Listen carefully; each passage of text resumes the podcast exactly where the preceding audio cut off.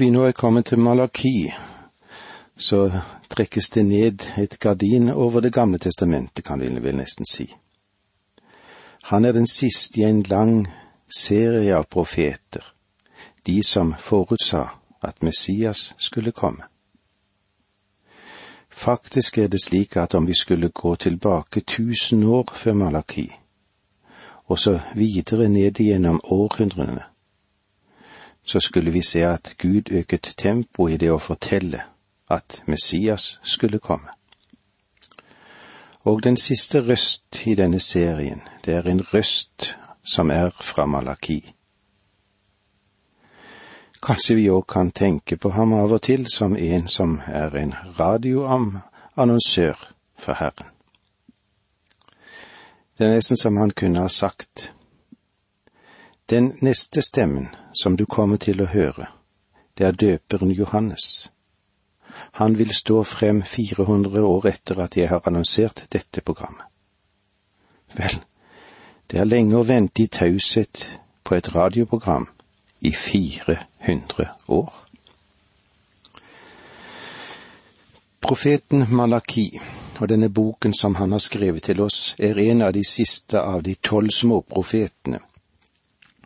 Og som sagt så er det også den siste av alle i Det gamle testamentet. Om forfatteren av denne boken så vet vi mindre enn noen av de øvrige forfattere av det som vi kaller for de profetiske skrifter. Selv når det gjelder navnet, så er det usikkerhet. Den hebraiske form, malaki, betyr egentlig mitt sendebud. Et ord som ellers aldri brukes som personnavn i Det gamle testamentet. Enkelte andre har derfor av forfatterne har forkortet dette til å være Herrens sendebud.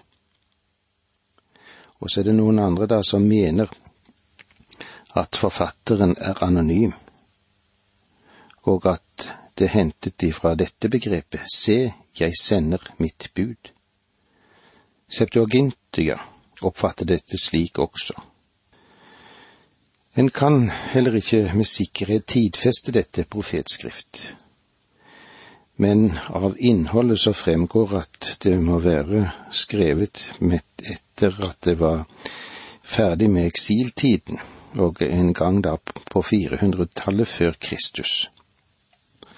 Og så fremgår det av boken at tempelet er gjenoppbygd, og at gudstjenesten er kommet inn i faste former. Men den første begeistringens tid er åpenbart forbi likegyldighetens ånd har sneket seg inn både mellom prestene og blant det jevne folk. En eh, var heller ikke så nøye med ofringene, men la frem på Herrens alter offerdyr som de hadde stjålet, eller at de var syke, eller at de var blinde. Og det underlige var jo at prestene godtok det. Og tienden, da? Jo, tienden den ble holdt tilbake, deler av den i alle fall. Også moralsk så sto det dårlig til. Det var mange som skilte seg fra sine jødiske kvinner eller hustruer, og så inngikk de ekteskap med hedenske kvinner. Og så var det trollkarer, horkarler, mendere, uredelige arbeidsgivere, korrupte dommer og slike som øvde vold mot enker og farløse. Det store flertallet, det fryktet ikke Herren. Ja, endog blant de fromme var det mange som tvilte på om det lønte seg å holde seg til Guds bud. Det syntes som om det gikk de ugudelige så mye, mye bedre. Alle denne synd og sløvhet tok profeten kampen opp imot i hellig nidkjærhet for Herrens navn og sak. Folket de lengtet etter Messias, men han skulle komme med dom, med lytringens ild. Da skal alle overmodige og hver den som lever ugudelig være som halm men for den som fryktet Herren og Herrens navn, skal rettferdighetssolen gå opp for, skal gi legedom under sine vinger. Forut for Messias skal hans forløper komme og rydde vei for ham i hjertene. Og det ser vi i versene én i det tredje kapitlet og versene fem og seks i det fjerde kapitlet, og vi leser det. Se, jeg sender min budbærer. Han skal rydde veien for meg. Herren som dere søker kommer brått til sitt tempel. Se, han kommer, paktens engel som dere stunder etter, sier Herren allherrs Gud. Og så versene fem og seks i kapittel fire. Se, jeg sender profeten Elia til dere før Herrens dag kommer, den store og skremmende. Han skal vende fedrenes hjerter til barna, og barnas hjerte til fedrene, så jeg ikke skal komme og slå land, landet med bann. Denne profetien er eh, en forløper som er særtrekket som vi finner hos Malaki. Den røper òg at den messenianske tidsalder nærmer seg, selv om det ennå skulle gå mange hundre år før Messias kommer. Og så har vi òg et annet særtrekk og særpreg ved Malaki. Det er dialogen. Fremstilling gis for en stor del i form av spørsmål og svar. I denne dialogformen, og likeså i den sterke interesse for gudstjenesteordningene, øyner vi grunnlinjene i den senere synagogetjeneste med det som hadde med undervisningen i loven å gjøre. Så Malaki, han er en meget interessant per person, selv om vi altså ikke vet så veldig mye om han. Men kanskje vi òg kan trekke inn dette at han hadde litt humoristisk sans. Og kanskje det er sant at det er vanskelig å både være profet og predikant uten å ha en sans for humor. Og om du ikke finner humor i Bibelen, så skyldes det at du ikke leser den rett, for det er mye av det. Vi vil òg etter hvert se at Malaki på en helt spesiell måte var en budbærer. Som jeg sa, betyr jo navnet Min budbærer. Septuagintia tolker navnet som en engel. En engel var en budbærer og kunne være både menneske, eller det kunne være en overnaturlig skapning. Faktisk var en del av kirkefedrene i den situasjonen at de mente at Malaki var en åndelig engel. At det var en engel som skrev denne boken. Men det er ikke noe grunnlag for å mene det. Den motsatte ytterlighet finner vi i den avanserte bibelkritikken, som påstår at boken faktisk er anonym. De argumenterer med at Malaki bare betyr budbærer, og at det bare er en tittel og ikke et navn i det hele tatt. Det er klart nok at for vår informasjon angående Malaki så er det svært begrenset. Like så begrenset som det som har med englene å gjøre. Om boken var anonym, ville den i så fall være den eneste profetboken som opptrådte med kjennetegnet NN, altså ukjent. Og jeg tror ikke at Malaki ville være et unntak fra regelen spesielt ikke siden han var den siste som skrev det før det ble taust i 400 år. Og med disse, skal vi si, introduksjonsordene om Malaki, må vi si takk for nå, må Gud være med deg. Dette undervisningsprogrammet består av to deler. Åge Nevland fortsetter nå med andre del av dagens undervisning. Vi er i profeten Malaki, og navnet Malaki det betyr, som vi var innom sist, min budbærer. Og derfor er det mulig at vi ikke kjenner navnet på bokens forfatter, at han gjemmer seg bak sin tjeneste og sitt budskap. Nå var det 60 år gått siden Israels første tilbakevending fra fangenskapet. Dette skjedde jo under Josfas og Serubabels lederskap. På den tiden hadde det hellige folket blandet seg med landets folk. Det var derfor nødvendig med en renselse både av prester og av folk i alminnelighet. Kanskje en årsak til at vi vet lite om Malaki. Ja, hva kan det være? Jo, han er en budbærer. Han er Guds budbærer med et budskap, og vi kjenner altså ikke så mye til budbæreren. Men det som er klart, er at budskapet, det er klart. En budbærer kommer til deg med et veldig telegram, slik som vi hadde det i gamle dager. Når budbæreren kommer med telegrammet til deg, hva gjør du da? Du gir deg ikke tid til å spørre om slekten til budbæreren. Hvem hører du til? Og han forteller deg ikke så mye om seg selv heller, den som kommer med telegram eller budet. Han forteller lite om sin familie. Og du er vel heller ikke så interessert i det når det kommer til stykket. Det viktige her er ikke budbæreren, men det budskapet han bringer. Malaki, han var bare en budbærer, og så vet vi da lite om ham. Den eh, samme metoden ble brukt av Guds ånd i Markus, der den eh, Herre Jesus sin etterliste ikke blir nevnt. Årsaken er at hver av de fire evangeliene de presenterer Jesus Kristus ut fra sin egen synsvinkel. Matteus, han presenterer han som kongen.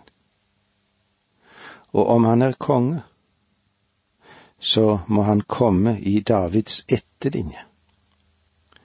Og derfor er det slik at når Matteus åpner sitt evangelium, så er det slik. Dette er rettetavlen til Jesus Kristus, Davids sønn. Det viktige er at han er sønn av David, fordi Matteus presenterer ham som kongen. Men når vi så kommer til Markus, så presenterer han han som Guds tjener. Så Markus, han er ikke så veldig opptatt med etterforholdet, og derfor tar han heller ikke dette med. Det viktige når det gjelder en tjener, er om han får utført tjenesten. Og det er det som du gjerne vil vite om alle som skal utføre et oppdrag for deg. Og Markus viser oss at den Herre Jesus fikk jobben gjort. Og på samme vis er det budskapet som er kommet til oss, ikke budbæreren, som er det viktige for profeten Malaki. Vi har så vidt vært innom dateringen hvilken tid dette skjedde.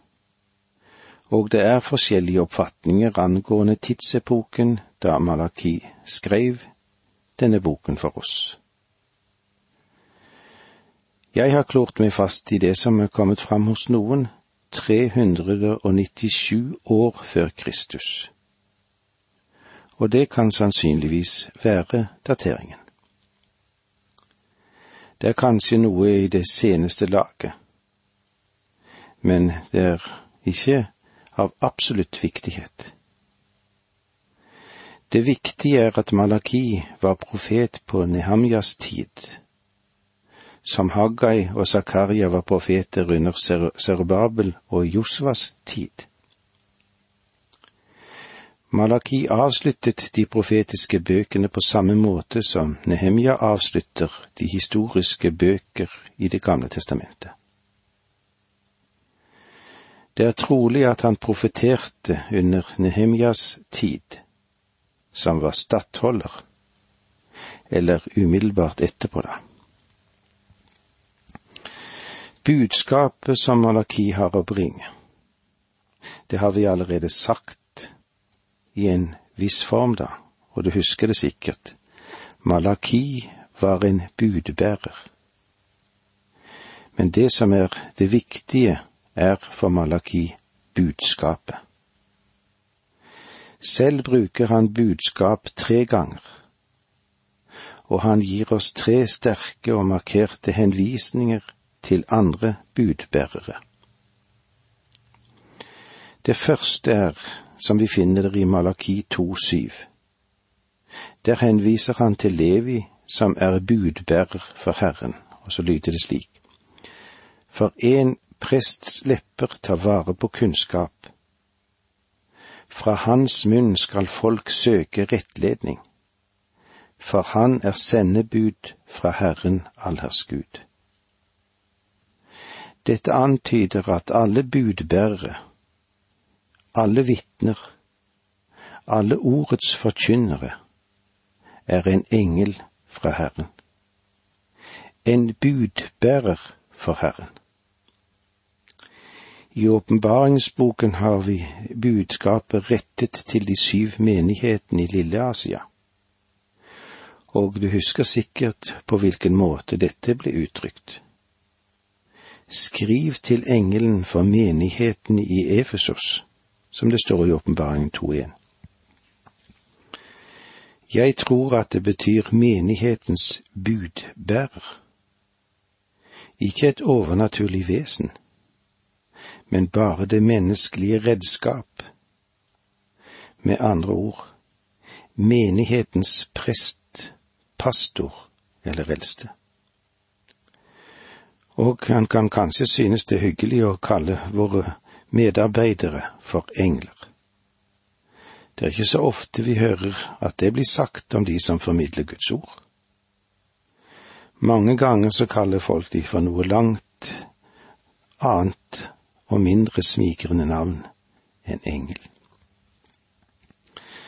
Den andre tingen som Malaki har tatt for oss, er at Malaki forkynte også døp, at døperen Johannes skulle komme min budbærer, slik som det står i Malaki 3.1. Se, jeg sender min budbærer, han skal rydde veien for meg. Johannes døperen var Malaki i Det nye testamentet, og begynte der Malaki sluttet i Det gamle testamentet. Og den tredje henvisningen som Malaki har, det er en budbringer som gjelder Kristus. Paktens engel. Og så ser vi igjen inn i Malaki 3.1. Herren som dere søker, kommer brått til sitt tempel. Se, han kommer, paktens engel, som dere stunder etter, sier Herren allers Gud. Herrens engel i Det gamle testamentet er avgjort den preinkarnerte Kristus, det vil si Kristus før han kom i menneskeskikkelse. Jeg håper du ser noe som gjør Malaki til en av de mest fengslende bøker i Bibelen. Selvfølgelig har vi de 65 andre spesielle bøkene i Bibelen. Og det er at Malaki har en slik vakker sans for humor. Det måtte han ha for å kunne ta hånd om den gruppen han skulle tale til i sin samtid. Han anvendte et slags spørsmål og svar-metode, dialogformen. Først siterte han en avtale eller beslutning som Gud hadde fattet for Israel. Deretter ga han Israel svar som hver gang var utrolig tåpelig. og en forfinet sarkisme. Den var overlegen og tendensiøs og ofte sårende. Men tro meg, Malaki har en del gode svar fra Herren. Og siden dette er Herrens svar, så betyr det jo også at det er Herren som har sans for dette. Og sansen for humor, den har vår Herre. Jeg håper at du gleder deg over at denne boken som vi nå skal gå inn i, har mye å gi oss. Det er en liten, stor bok vi har foran oss. For slik er det. Malaki viser Guds kjærlighet for israelsfolket, og vi vil tro at han viser òg kjærlighet til oss. Og med disse ordene må vi si takk for nå, må Gud være med deg.